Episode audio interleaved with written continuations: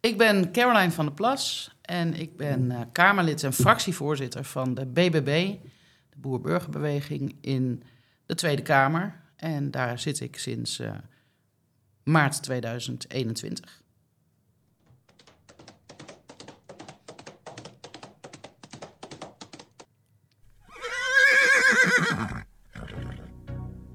Podcast De Tweede Hoefslag. Ja, leuk dat je kijkt of luistert naar weer een nieuwe aflevering van onze podcastserie De Tweede Hoefslag. En vandaag zijn we in Gameren bij Kirsten Brouwer op stal. Maar we hebben een bijzondere gast, namelijk Caroline van der Plas. Je kijkt Ehm, helemaal blij. Ja, ik ben helemaal blij. Ik ben helemaal enthousiast. Ik kijk ook blij. Ik wou zeggen, bent u ook blij? ja, tuurlijk. Ja? Hartstikke leuk. Ja, zeker. Hoe gaat het met u? Goed, ja, gaat goed. Eh, we zijn natuurlijk, eh, nu terwijl wij aan het praten zijn, eh, ongeveer een maandje voor de Tweede Kamerverkiezingen. Of eh, wat zeg ik nou? Was dat Provinciale was Staten. het maar waar? We zijn al begonnen. Zou ook mooi zijn. Nee, voor de Provinciale Statenverkiezingen. Waaruit straks ook de Eerste Kamer voortvloeit natuurlijk, wat heel belangrijk is. Waterschapsverkiezingen doen we ook aan mee, overal. Dus nee, dat gaat goed. Het is heel druk en er is ontzettend veel aan de hand in het land natuurlijk. En ehm, dus eh, ja, lange dagen, korte nachten. Maar ja, het werk, ik vind het werk gewoon hartstikke mooi om te doen. Dus eh, ja. Ja, fijn dat u tijd heeft gemaakt eh, voor ons, voor onze podcast van De Hoefslag. Ja. Ehm, hoe is het om hier op zo'n paardenhouderij te zijn? Ja, leuk. Die geur, de geur zeg maar, van de paarden en van de stallen. Dan ga ik weer helemaal terug naar mijn jeugd. Denk van, oh ja, dat, die geur was vroeger op de manege ook. Want ik heb als kind een paard gereden. Verder niks bijzonders hoor. Ik heb niet eh, aan wedstrijden meegedaan of zo. maar ja, ik was eh, ook zo'n paardenmeisje die de hele dag in elk vrije uur op de manege was om de paarden te verzorgen. Ik heb zelfs nog een eigen pony gehad. Wat ook nog een veulentje heeft gekregen.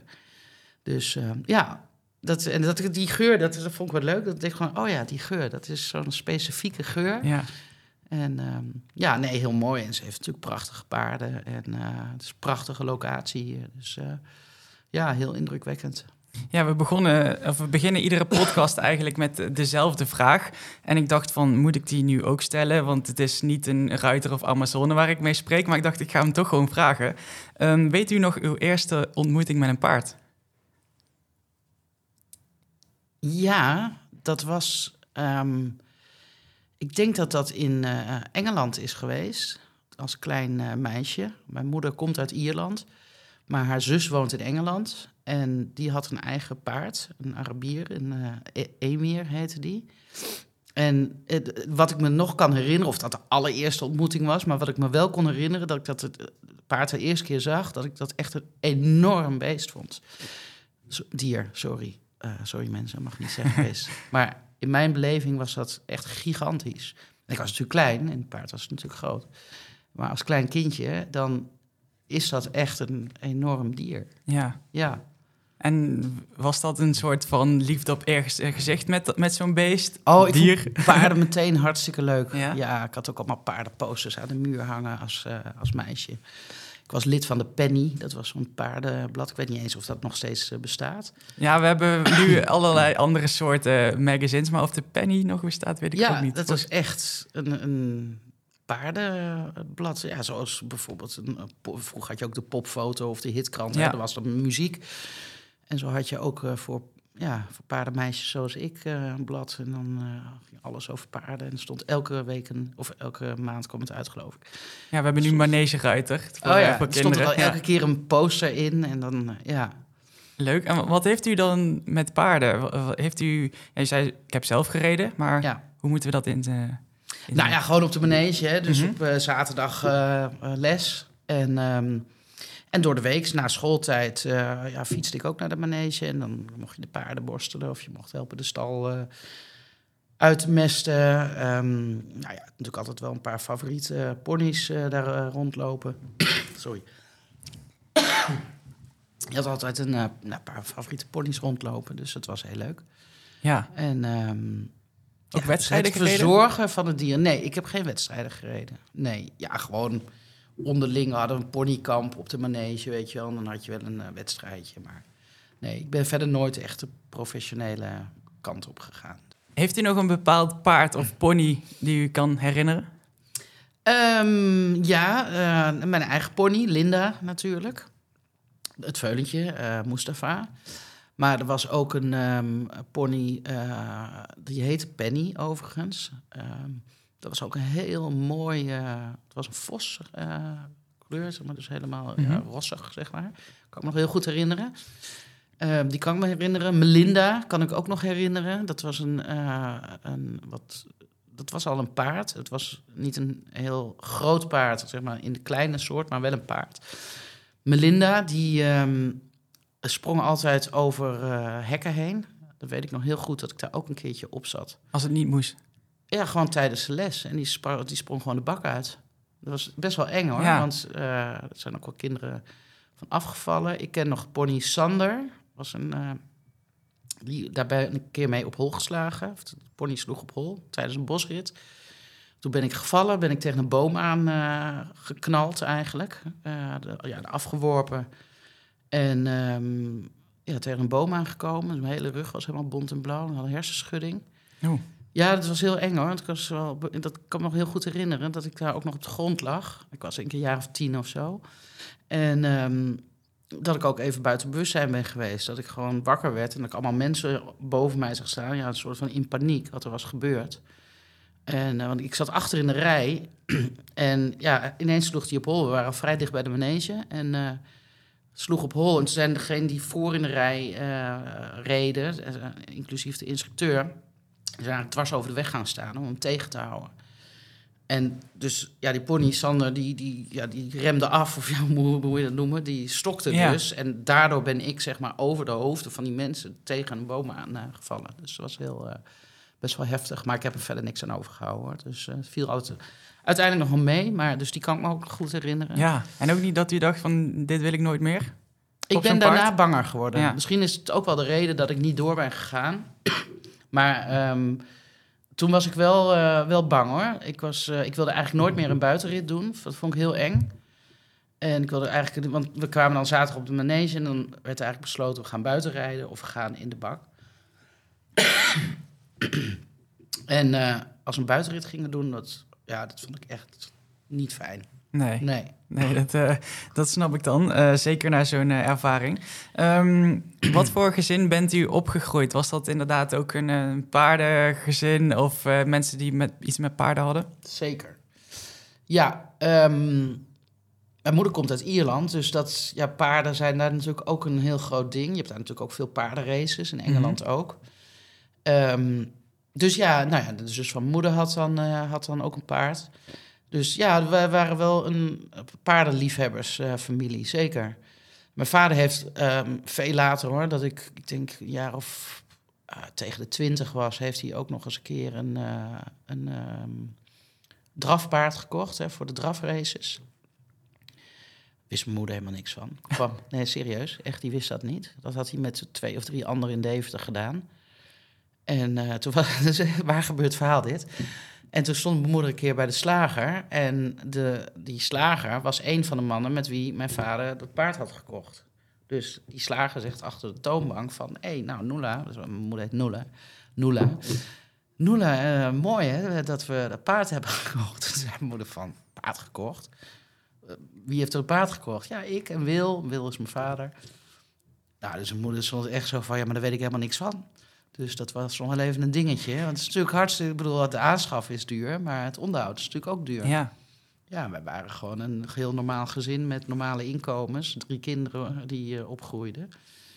Dus ehm, ja, dat viel niet zo in goede aarde. En het paard heeft het ook nooit heel goed gedaan. Dus Oh. die heeft ook nog gewoon niet geleverd wat hij, waarvan ze hoopten dat hij het zou leveren. Dus dat het paard is ook weer verkocht. En, eh, maar ik ben ook heel vaak met mijn, pa- met mijn vader mee geweest naar eh, paardenraces in eh, Engeland, in Ierland. ook wel op, op Duindicht. Dus ehm, ja, gaaf. ja, is zeker gaaf. En concoursen ook wel. Een vriendin van mij. Dat is ook nog wel een bekende naam in de paardenwereld volgens mij. Tosca van der Meulen. Oh ja, ik, sorry, dat is haar meisjesnaam. Tosca van der Meulen. Tosca Visser heet Ja. ze nu. Ja. En woont in Engeland met haar man. Ehm, daar ging ik dus heel veel mee om. En zij was ook echt een paardenmeisje toen al. Zij is dus wel daarin doorgegaan. En ehm, ja, dus ja, ook op die manier was ik er eh, eh, wel bij betrokken. Dus eh, ja, ja, ik realiseer me eigenlijk nu dat je dat vraagt. Paarden best wel een grote rol hebben gespeeld in mijn leven. Ja, Als ik nu zo allemaal terugdenk daaraan. Ja, en nog steeds dan of, of nu niet, niet meer zo? Nou ja, nu politiek gezien eh, natuurlijk wel. Hè? Kijk, nu komt het in de politiek natuurlijk ook wel een beetje terug. En, eh, maar ik heb elke keer als ik de paarden zie, dan... Ja, dat zijn zulke prachtige dieren. En je kan ook gewoon wel een beetje zien... Denk ik dan te zien, maar dat is natuurlijk zo. En paarden hebben natuurlijk net als alle dieren een eigen karakter. Ik vind het dan wel grappig hoe het ene paard op je reageert... en hoe een ander paard weer op je reageert. Ja. Ja, Want net waren we even een filmpje aan het Ja. opnemen voor, voor, voor deze podcast. En toen zei je ook van, oh, deze is volgens mij wel heel nieuwsgierig, hè? ja, ja. Dat merk je dan meteen. Ja, en die andere was een beetje verlegen. kwam aan, dan draaide zo een beetje zijn hoofd af van eventjes aftasten, weet je wel. Ja. En de andere die kwam echt zo op met de oortjes naar voren. En die kwam gelijk even kijken van, hé, hey, dit is een nieuw eh, gezicht hier in de stal. Ja. Ja, dat is wel leuk. Vind ik eh, grappig om te zien. En nu inderdaad dus eh, met de politiek eh, daarmee bezig. Eh, wat is uw missie? Ehm, nou ja, kijk, onze missie is in het algemeen, en dat geldt ook hiervoor, voor gewoon een eerlijk en rechtvaardig beleid gebaseerd op het echte verhaal, hè, of op de feiten en de cijfers. En wat je eh, in de veehouderij hebt eh, zien gebeuren, en nu nog aan de hand is, is dat die heel erg onder de loep eh, worden gelegd. Ehm eh, gaan we even niet over het stikstofprobleem hebben, maar eh, over het, ehm het dierenwelzijnskwestie.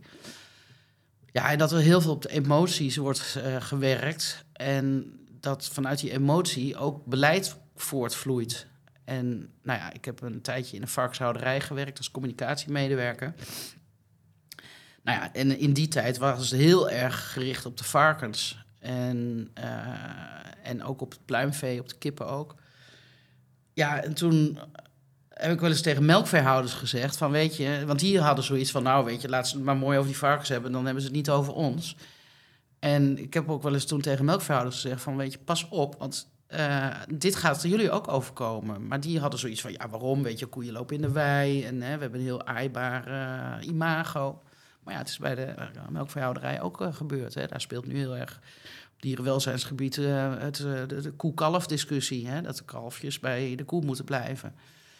Nou, en zo heb ik de paardenhouderij een paar jaar geleden ook al... ik heb ook eens een keer voor een zaal gesproken met paardenhouders. Maar toen heb ik het ook gezegd van... jullie gaan, dit gaat jullie ook gebeuren. En ik merkte daar toen ook nog een soort van... Ja, weet je, hoezo? Weet je wel, heel veel mensen in Nederland rijden paard... en wij hebben goed imago hè, op een televisie. Als er Olympische Spelen zijn, stil Nederland aan de buis gekluisterd om eh, onze eh, Amazones en ruiters eh, te zien presteren. En de paarden natuurlijk. Maar het gebeurt nu ook. Het komt nu ook steeds meer. Dus ehm, ja, en ik vind wel dat je daar waakzaam op moet zijn. Omdat het kan maar zo gebeuren dat er allemaal extra wet en regelgeving komt. Wat gewoon ja, meer vanuit de emotie eh, wordt gedaan in plaats van ehm, hoe het echt is. Dus de paardensector die moet echt wel goed aan de bak. Hè, laten we hem even in, eh, Ja. in de termen blijven. Die moeten wel echt goed aan de bak om maatschappelijk, eh, maar ook richting de politiek, gewoon wel het verhaal te vertellen van hoe gaat het nou in het echt en waarom maken we bepaalde keuzes en hoe doen we dat dan? Ehm, Ja, want hoe kunnen ze dat het beste doen?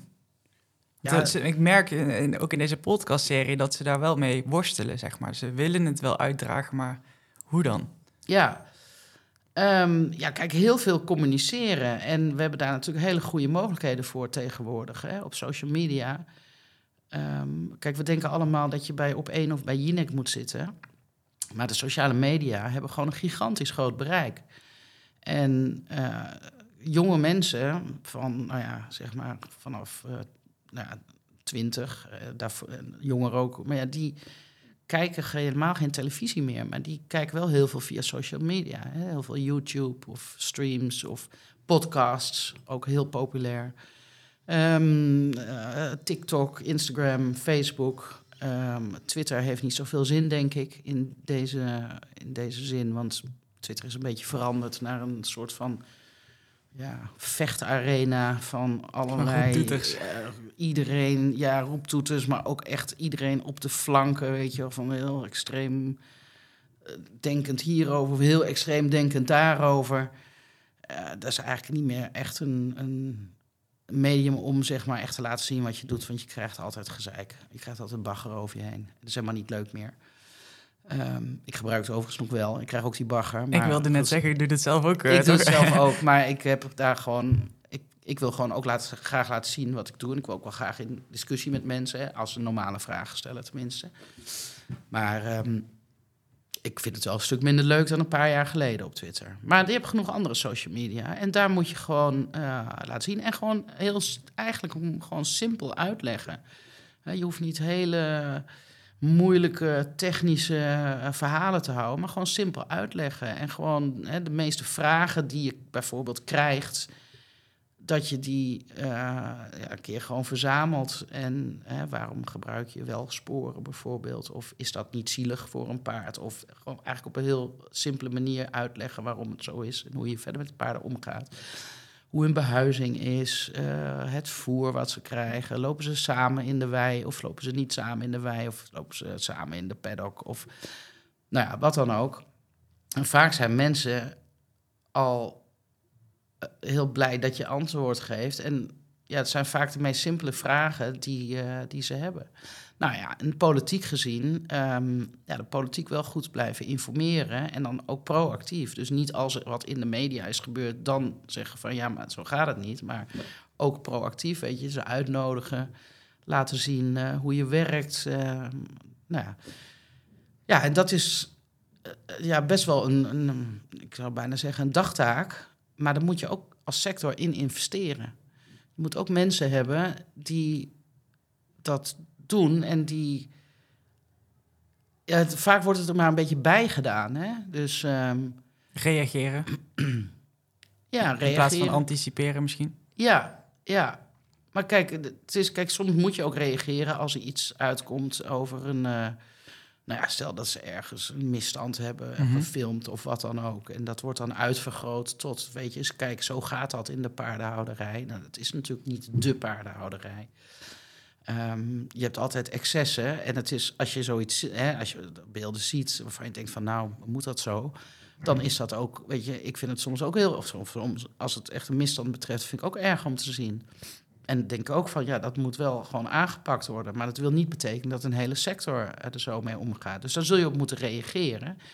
Ehm, maar je moet het niet ontkennen. Hè? En ik zie ook wel eens een beweging ontstaan van... ja, dan zijn die dierenactivisten weer aan het filmen geweest, weet je wel. En dan denk ik van, ja, maar... Daar kun je boos over worden, maar hè, wat er getoond is, als het een bewezen misstand is, dan, dan moet je je daar ook gewoon tegen uitspreken. Dat, is, Ja. hè, dat wil je als sector ook niet, maar dat wil je als paardenliefhebber ook niet. Iedereen vindt zoiets erg. Ehm, dus je zult, eh, hè, af en toe zul je ook gewoon moeten reageren op, eh, op die dingen. Maar het is vooral het proactief laten zien, weet je, wat doen we nou precies en waarom doen we het en hoe doen we het. Dat vinden mensen vaak heel, heel interessant eh, om te weten. Want hoe kun je kunst, constructief ehm, het, bijvoorbeeld het gesprek aangaan met organisaties als bijvoorbeeld Dieren en Recht, waar de paardensport dus best wel veel mee te maken heeft. Ehm, Ja, zij zitten daar toch wel op te hameren. hè? Ja, ik, eh, dat, dat vind ik een lastige. Kijk, als het ge- gesprek inderdaad constructief is en ze willen eh, meepraten of meedenken met van goh, hoe zou je het beter kunnen doen, dan zou je misschien eh, over en weer van elkaar kunnen leren. Maar ik heb vaak het idee dat, dat daar mensen in zitten die gewoon helemaal niet willen dat mensen dieren houden voor eigen gewin. Dan kun je denken aan de paardensector. Dat zien ze ook als eigen gewin. Jij, jij bereidt dat paard. En dat moet niet mogen, want het paard moet in de vrije natuur. Hè, of jij eet vlees en dus jij houdt een dier voor je eigen eh, plezier. Ehm, dus je moet wel een beetje bepalen, ja, waar, waar willen ze het dan precies met jou over hebben? En willen ze je vooruit helpen of willen ze uiteindelijk ervoor zorgen dat, dat de hele paardenhouderij gewoon stopt?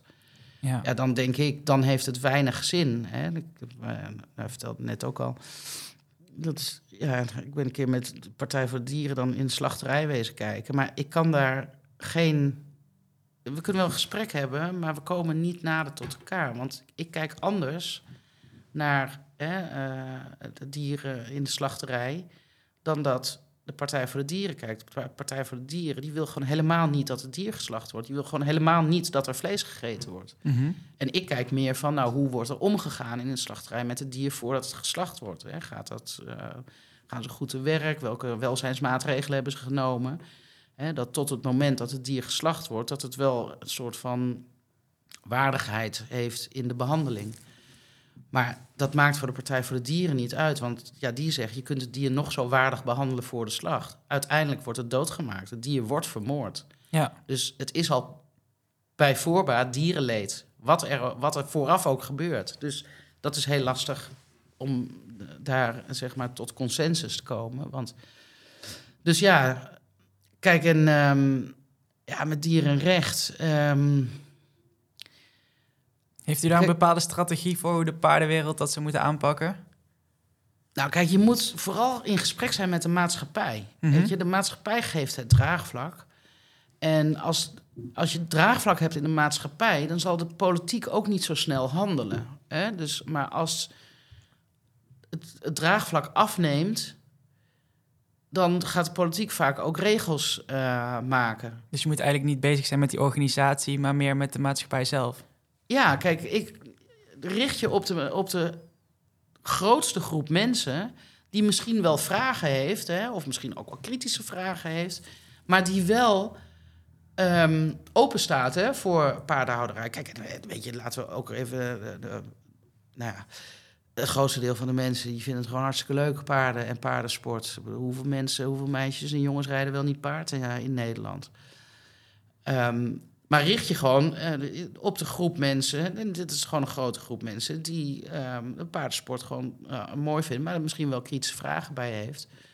Daar kun je wat mee. Mensen die paardenhouderij weg willen hebben, daar, dat heeft geen zin. Want dan ja, trek je aan een dood paard, zou ik maar zo Ja. bijna zeggen. Beetje flauw allemaal, maar schiet me wel zo te binnen. Nee, maar snap je? Dus elke seconde dat je eh, besteedt aan mensen die de sector weg willen hebben, besteed je niet aan de mensen die de sector willen houden. Ja. Dus ik vind het niet heel slim om dan je helemaal daarop te gaan richten. maar wel goed bij de les blijven van ehm, ja, welke vragen komen daar dan eh, vandaan en wat kan leiden tot regelgeving en hoe kunnen we dat, die regelgeving voor zijn.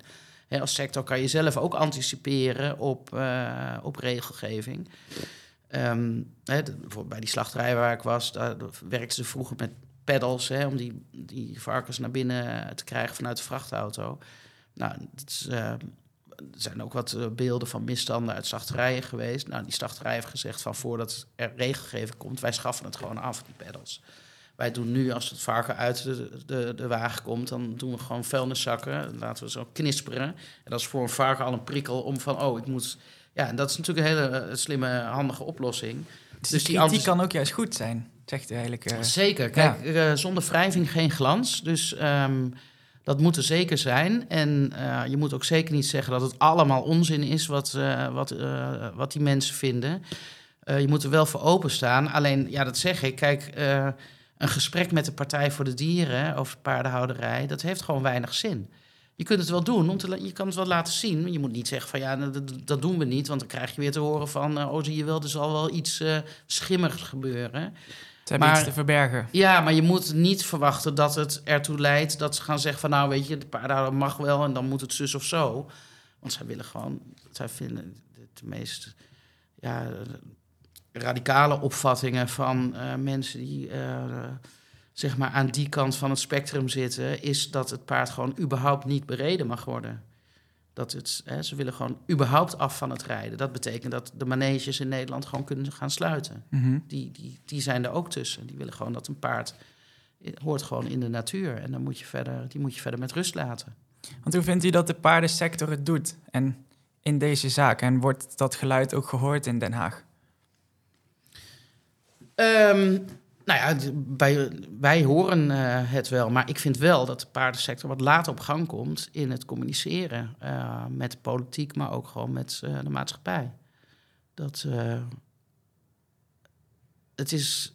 Ja, je staat eigenlijk al op 2-0 achterstand. Hè? Dus door En dat heb ik in de, in de, de veehouderij ook gezien. Dat, heel lang is er gedacht van, ah, weet je, dat gaat wel over. En laat ze maar, weet je, een kleine groep. Hebben we geen last van.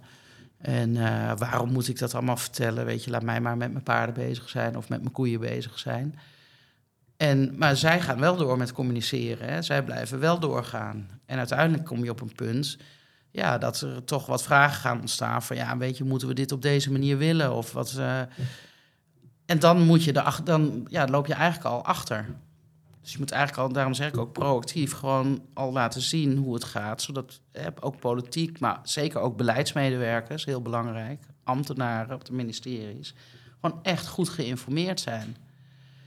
En, ehm, maar goed, het is lastig, want ja, we wonen in een land waar uh, de emoties de boventoon voeren.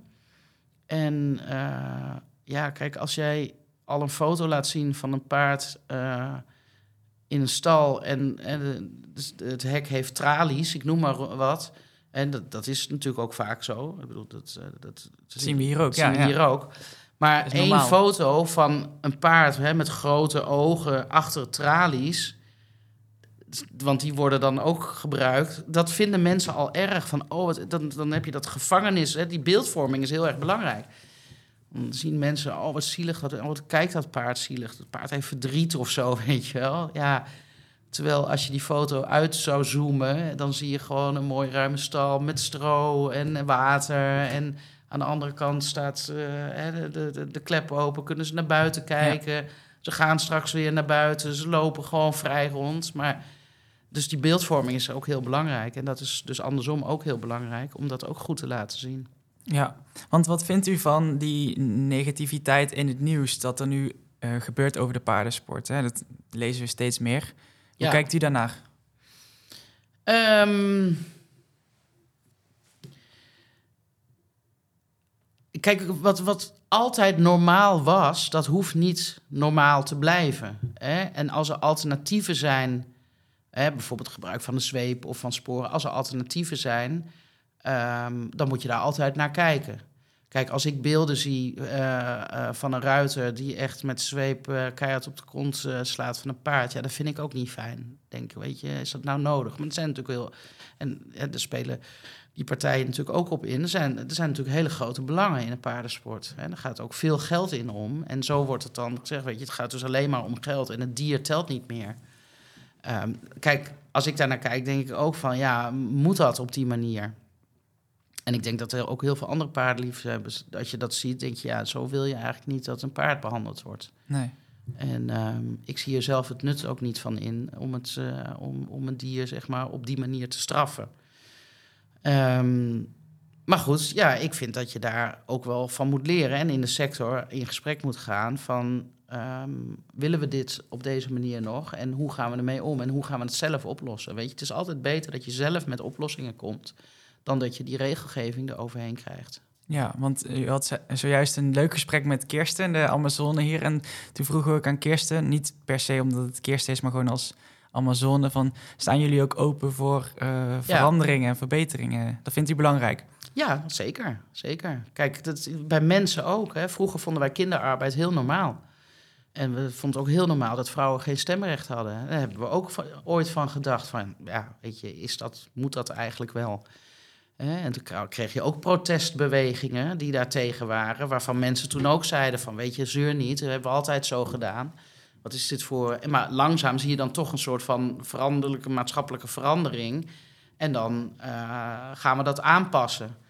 Uh, nou ja, zo werkt het denk ik ook met... Uh, ja, hiermee, dat ja, alles wat we normaal, ja, wat vroeger normaal gevonden werd, dat kun je ook van denken van ja, is dat wel normaal? Hè? Dus ook de verplichting bijvoorbeeld, een paar jaar geleden is dat volgens mij ingesteld, dat je niet meer uh, één paard in de wei mag hebben, maar dat, hij, zeg maar dat er minimaal twee paarden moeten zijn, omdat het paard een sociaal dier is. Ja, dat, ik weet, in die tijd werkte nog voor Nieuwe Oogst, dat dat ook ja, wel tot zorg en onrust uh, leidde uh, in de sector. Maar het is geen slechte maatregel. Want je wil natuurlijk ook dat een paard gewoon. Ik zie nog wel eens heel af en toe, dat vind ik wel zielig hoor. Uh, ik zie af en toe nog wel eens op zo'n veldje bij mij in Deventer. Er staat er zo'n kleine pony aan touw in het gras, weet je wel. Ja, vind ik heel, dat is natuurlijk niet de paardensector of paardenhouderij. Dat is gewoon Nee. iemand die zo'n pony heeft, die dan zo'n dier laat staan. Denk ja, dat vind ik toch wel vind ik zielig. Ja, en zo creëer je die beelden dus. Ja, ja, ja, Ja. zo ook. Ja, Als precies. mensen daar dan langskomen. Ja, ja. Nee, zeker. Maar goed, weet je, dat... eh, ik weet dat de paardenhouderij en, en de sector gewoon heel professioneel is. Hè. Je krijgt ook steeds meer natuurlijk jonge aanwas. Hè. Die jonge mensen denken er ook anders over. Die, die, die hebben ook een veel bredere blik. Die kijken ook vooruit. Ehm, dus op zich denk ik dat dat wel, eh, wel mogelijk is. Dinja van Lieren is op dit moment eh, de, misschien wel de beste dressuur-Amazone van Nederland. Zij hoopt eh, ook eh, stiekem een eh, medaille te gaan halen op de Olympische Spelen in Parijs eh, volgend jaar voor dressuur. En zij heeft een vraag voor u. Oh. Die eh, wil ik u graag even laten horen. Hoi, hoi. Ik ben Dinja van Lieren. Eh, ik ben dressuur-Amazone. Ik hoop volgend jaar naar de Olympische Spelen ook te gaan. Maar daarnaast hoop ik eigenlijk eh, later ook nog vaker naar de Olympische Spelen te gaan. Eh, hoe kijk jij daar tegenaan? Hoe zie jij de toekomst van de paardensport voor je? En ehm, ja, hoe lang denk je dat we eigenlijk nog op onze paarden mogen blijven rijden? Dat is een hele goede vraag. Is toch een zorg die leeft in de Ja, paardenwereld. zeker, zeker. Want ehm, kijk, als het aan de Partij voor de Dieren ligt, gebeurt dat niet meer. En eh, dan beginnen ze eigenlijk bij de Olympische Spelen. En ze zullen verder werken naar eh, nog meer afschaffen. Ehm, ja, ik, ik denk niet dat de paardensport eeuwig op de Olympische Spelen blijft. Ik wil ook niet zeggen dat het binnenkort of binnen een aantal jaren wordt afgeschaft. Maar kijkend naar Noordwest-Europa en de sentimenten over dieren.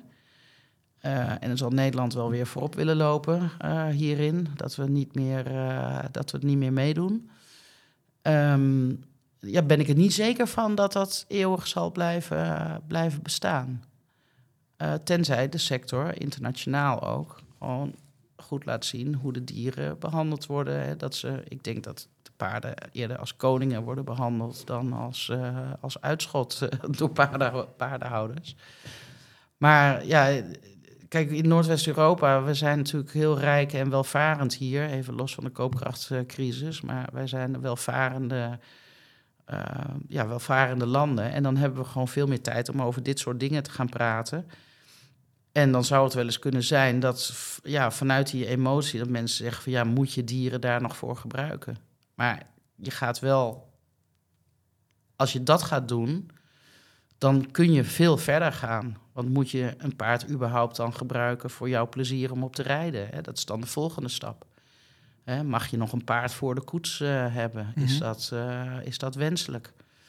Ja, mag je ehm, überhaupt nog een paard hebben, ook al rij je er niet meer op en heeft hij welke huisvesting heeft hij dan? Ja, dat zeg ik, die, die hele extreme eh, radicale gedachte in die hoek is gewoon, een paard moet gewoon een natuurdier zijn, punt. en als je dan gaat beginnen met het afschaffen van eh, paardensport op de Olympische Spelen, dan, ja, dan, dan hebben ze één doel bereikt en dan is het volgende doel. dus het is echt ook hier aan de sector om gewoon echt goed te laten zien hoe je, hoe je dit eh, doet. Hè. Kijk, bij voedsel, hè, bij faken zou je nog kunnen zeggen, het is een eerste levensbehoefte. Dus we moeten eh, eh, voedsel maken. Daarvan wordt ook al gezegd van, maar vlees is niet nodig in een eh, dieet. Je kunt ook plantaardig eten. Daar ben ik het niet mee eens. Want ik bedoel, eh, vlees, dierlijke eiwitten passen gewoon in een gebalanceerd eh, voedselpatroon. En sommige eh, groepen hebben juist ook dierlijke eiwitten nodig. Ehm, maar bij de paardensector zullen ze zeggen, ja, dit is een luxe. Waarom Ja. is het nodig? Het is alleen maar iets luxe. Want een veel voorkomende vraag in de podcast is van... maak je je zorgen over de toekomst van de paardensport? En eigenlijk bijna iedereen zegt wel... ja, eigenlijk maak ik me daar wel zorgen om. Ja, ik denk dat die zorgen wel terecht zijn, ja. Ja, Hebben jullie daar nog bepaalde opvattingen over als partij? In de, ja, natuurlijk gaan jullie niet over de Olympische Spelen... maar wel over het paardenwelzijn en het paardrijden misschien in de toekomst. Ja. Nou ja, kijk, ehm, wij, kijk, wij- zijn een partij die uitgaat. In Nederland is heel veel beleid op basis van wantrouwen. Hè. Iemand kan iets verkeerd doen, dus we gaan regels maken zodat het niet meer gebeurt. Wij willen helemaal naar een nul-risico samenleving. En dat is gewoon, dat is niet te doen. Ehm, kijk, ik zie paardensport en ook zeg maar paardeigenaren die ik ken, die gewoon, ja, die houden nog meer van een dier dan van hun dier, van hun paard dan van zichzelf. Die, die, die ontzeggen zichzelf nog liever iets dan dat ze hun paard iets ontzeggen. Ehm, en zolang je dat ook laat zien en uitdraagt, dan snappen mensen dat wel. Dan, dan zal die paardensport zal ook nog best wel een toekomst hebben, maar misschien wel meer aan regelgeving gebonden zijn. Het gebruik van materialen of het uh, transport of uh, nou ja, de manier waarop paarden tijdens Olympische Spelen moeten worden gehuisvest. Uh, ja, dat zal, ja, die regels die zullen wel, zullen wel meer worden. Maar het is aan de sector weer om ook aan te geven of het in de praktijk ook werkt. Dat zie je bij uh, trek weer even vergelijken, vergelijken met veehouderij of ook wel met akkerbouw. Er worden soms regels bedacht die praktisch gewoon eigenlijk bijna niet te doen zijn. Mm -hmm. Dus um, ah, goed. Ik, ik vind het wel lastig om, om te zeggen van nou, het zal zus of zo gaan. Maar je ziet nu wel dat de beweging richting de paardenhouderij gemaakt wordt. En we hebben gezien hoe hard het kan gaan, ook met veehouderij. Um, hoeveel, hoe snel je regelgeving krijgt. En uh, ja, aan de sector dus niet de, niet de kop in het zand steken. Maar daar open voor staan. En het liefst gewoon... Kijk, als je... Dat weet ik ook wel bij, bij het ministerie van LNV... Um, dat er ook wel gezegd wordt... Weet je, als je zelf al aan de gang gaat... Hè, dan krijg je ook minder snel regelgeving. Maar als jullie niks doen, dan gaan wij het doen. Mm -hmm. Dat is een beetje hoe er... Uh, hoe er en dat begrijpt u ook wel? Nou ja, in sommige gevallen uh, uh, misschien wel. Ja. En, maar goed, wij zijn er heel voor, voor om ondernemers ontwikkelruimte te geven en tijd en ruimte te geven om ook aanpassingen te kunnen doen. En ik vind dat, dat, dat Den, Haag, Den Haag gewoon te snel met regelgeving komt. Weet je? En ook dan het idee van en dan gebeurt er nooit meer wat of zo. Ja, dat is niet zo. En het moet ook allemaal handhaafbaar zijn. Je, je, kunt, je kunt wetten in, in, gaan stellen, maar hoe handhaaf je dat? Hè? Met die wet dieren bijvoorbeeld, hè? dat een dier ja. altijd zijn natuurlijk gedrag uh, moet kunnen uitoefenen. Ja, hoe ver ga je daar uh, dan mee? Uh, natuurlijk moet het dier gewoon zijn natuurlijk gedrag kunnen uitoefenen. Dat staat nu ook al in de wet. Maar um, die wet dieren die gaat wel heel ver. Die gaat soms zo, kan zo ver gaan dat je denkt van ja, maar mag je een koe dan ook niet meer melken. Hè? Want dat is ook onnatuurlijk. Hè? Want normaal moet een kalfje melken voor het kalf, niet voor de consument. Dus dat is een hele lastige wet. En hoe ga je bepaalde regels allemaal handhaven? Wie gaat dat dan controleren? Want hoe staat het daarmee? Hoe, uh... Ja, daar is um, de minister is daar nu, uh, nu mee bezig. En volgens mij, ik heb deze week daar iets van gezien, dat het eind 2023 dan zal wet dieren volgens mij um, door de Kamer gaan. Maar dan moet ook nog weer door de Eerste Kamer gaan, volgens mij. Ja, dus belangrijke verkiezingen inderdaad. Eerste Kamer is voor ons heel belangrijk, ja, ja. zeker. Ja. U spitste zich net ook al op de Partij van de Dieren. Is dat een concurrent dan? Of? Nee, kijk. Partij voor de Dieren die staat in heel veel zaken gewoon heel anders erin dan, dan wij. Uh, maar goed, ze hebben best wel een electoraat, omdat mensen ik denk vaak van, oh, Partij voor de Dieren, nou, die zijn goed voor de dieren, dus daar stem ik maar op. Maar het zijn ook vaak mensen die geen keuze kunnen maken uit een andere partij. Dus stem ik maar op de Partij voor de Dieren, want dan weet ik zeker dat er goed voor de dieren wordt gezorgd. Ja, ja en ik denk dat er in, de, in, uh, in Nederland ook wel heel veel paardenmeisjes en jongens zijn die ook wel op de Partij voor de Dieren stemmen, omdat ze goed zijn voor de dieren. Maar nog niet zo goed doorhebben dat uh, uiteindelijk misschien ook wel het paardrijden in de manege ooit... Uh, aan banden wordt gelegd. Hè? Als, uh, als die plannen die zij hebben allemaal doorgevoerd uh, worden. En dan gaat u zich hard voor maken dat dat niet gebeurt? Ja, zeker. Weet je, het, ja, ik, ik vind het uh, grote onzin. Kijk, als een dier gewoon goed behandeld wordt en de, de, de, mensen, de eigenaren van maneges of paardenhouders voldoen gewoon aan wet en regelgeving, dan hoeft dat voor mij niet. Nee, zeker. Maar kijk, het is geen concurrent voor ons, want ja, zij hebben gewoon een heel ander, uh, andere agenda dan ja. wat wij hebben. Dus, uh, maar ja, weet je, soms, ik kan, soms werk ik ook wel samen met de Partij voor de Dieren op gebieden waar ik het wel met ze eens ben. Hè, nou, bijvoorbeeld een, eh, een ballonnenverbod, hè, oplaten van ballonnen. Ja, daar ben ik ook heel erg voor. Dat is gewoon ontzettend slecht. Die, die ballonnen die komen allemaal terecht in de natuur, die komen in de weilanden terecht. Die, eh, je, die worden door de dieren misschien opgegeten. Dat is eh, moeilijk afbreekbaar. Dus op dat punt ben ik het wel met ze eens. En op het gebied van handelsverdragen, hè, dat wij hier in Nederland dingen niet mogen wat in, in eh, landen buiten Europa wel mag. En die producten komen allemaal hier naartoe. Ik noem het altijd, wij consumeren wat wij niet mogen produceren. Ja. Daar staan we ook eh, op één lijn in.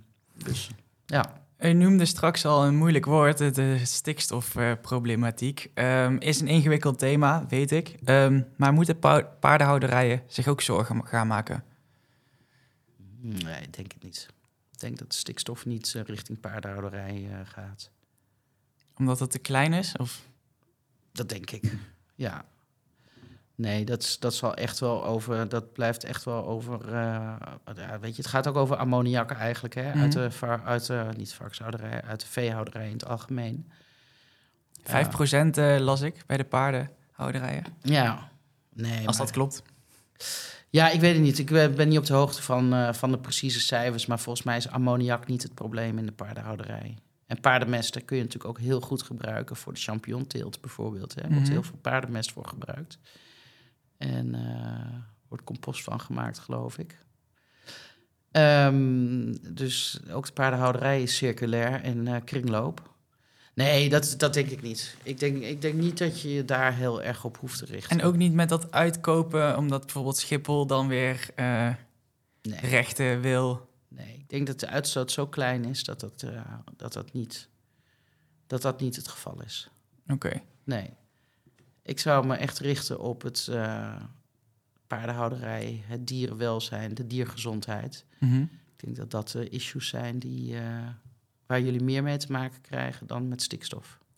En de wolf, Ja, de wolf. Ehm, ook zo'n ding. Ja, oh, ook zo'n ding. Nou ja, kijk, ik, ik vind niet dat de wolf in een klein land als Nederland een eh, toekomst heeft.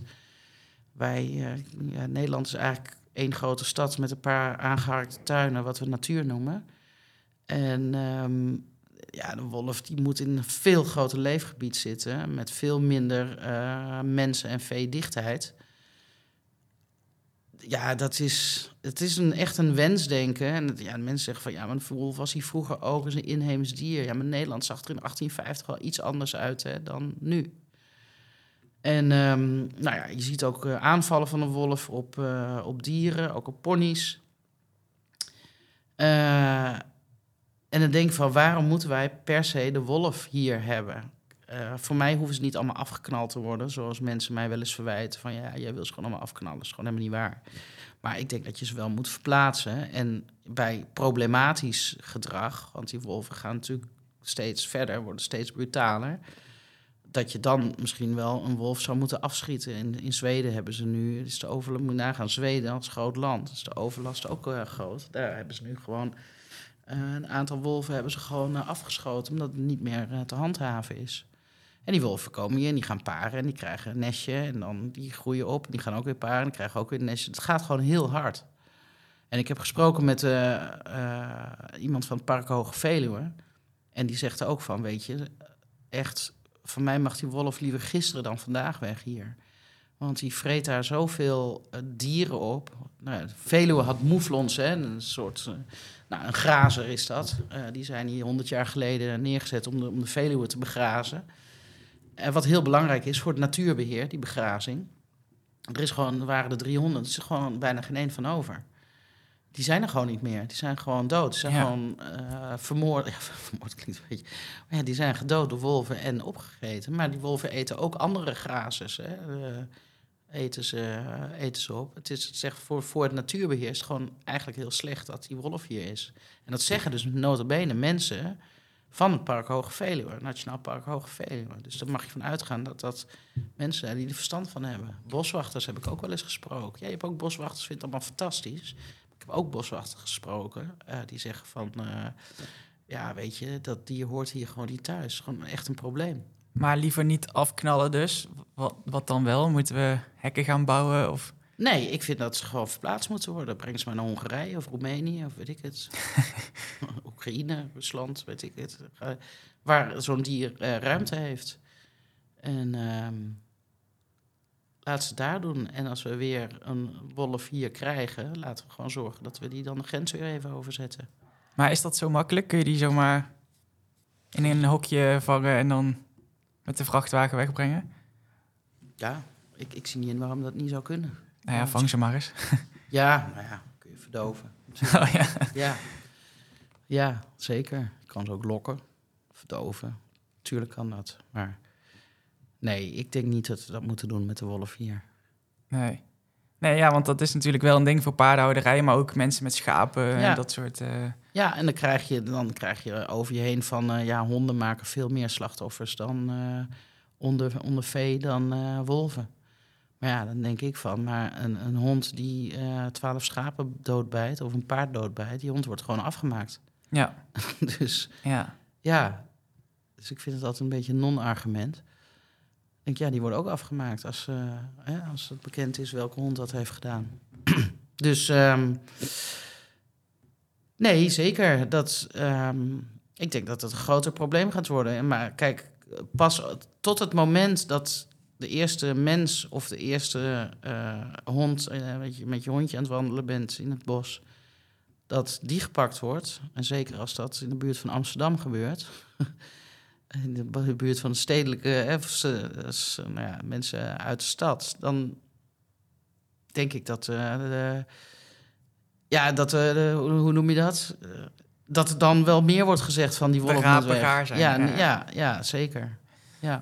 We gaan richting het einde van de podcast. Ehm, normaal hebben we wat stellingen erin zetten. En nu eventjes wat anders, maar ik wilde er toch eventjes eentje ingooien. ja. Ehm, ik wil minister-president van Nederland worden. Nou, niet per se. Als het het gevolg is van iets, dat het ooit komt. Ik zeg ook niet van, oh, ik wil het absoluut niet. Maar het is totaal niet mijn ambitie om minister-president te worden. Ik, weet je, dan denk ik van, eh, als ik het zou worden, ooit, dan zou ik minister-president van Nederland worden en niet Nee, sorry, ik zeg het verkeerd. Dan zou ik minister-president voor Nederland worden en niet van Nederland. Als minister-president van Nederland, dan moet je ook met heel veel buitenlandse zaken eh, bezighouden.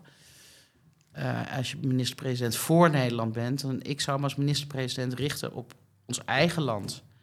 En al die buitenlandse dingen, die zou ik dan misschien overlaten aan de minister van Buitenlandse Zaken.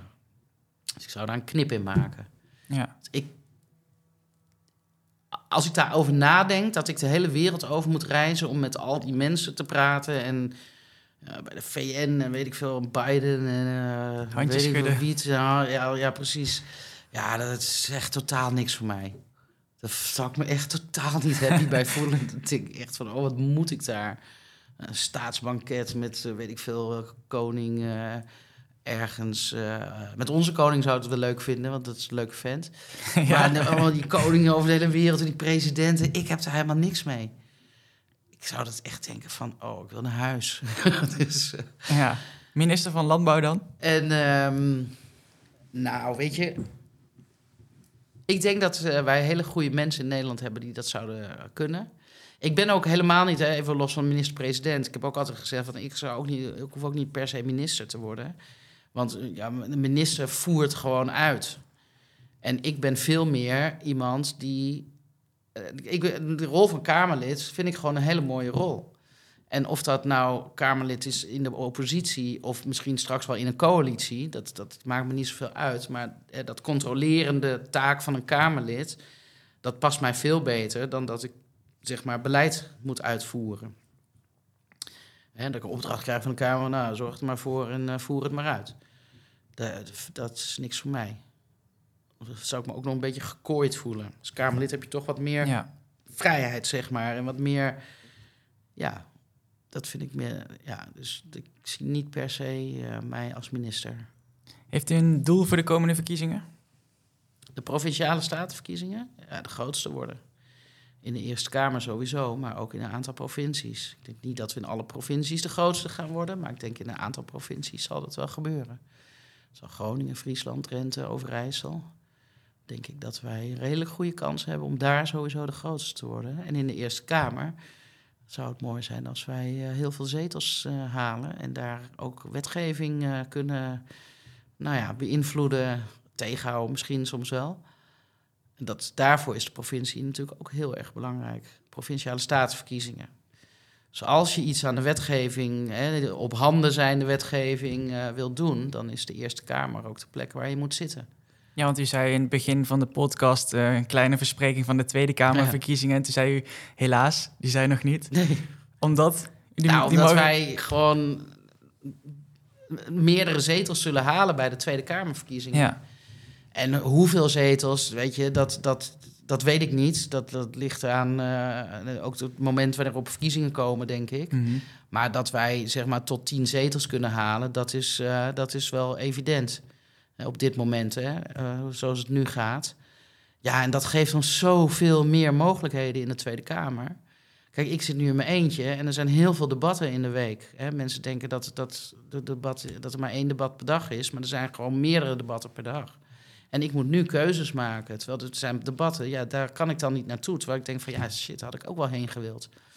Dus, um, en als we meerdere Kamerleden hebben, dan kunnen we dus veel meer debatten. En dan kunnen we ja, veel meer invloed uh, natuurlijk ja. in de Tweede Kamer zelf. En dan kan je ook met een stemming, ja, dan heb je gelijk. Hè, nu stelt, telt mijn stem telt voor, telt voor één.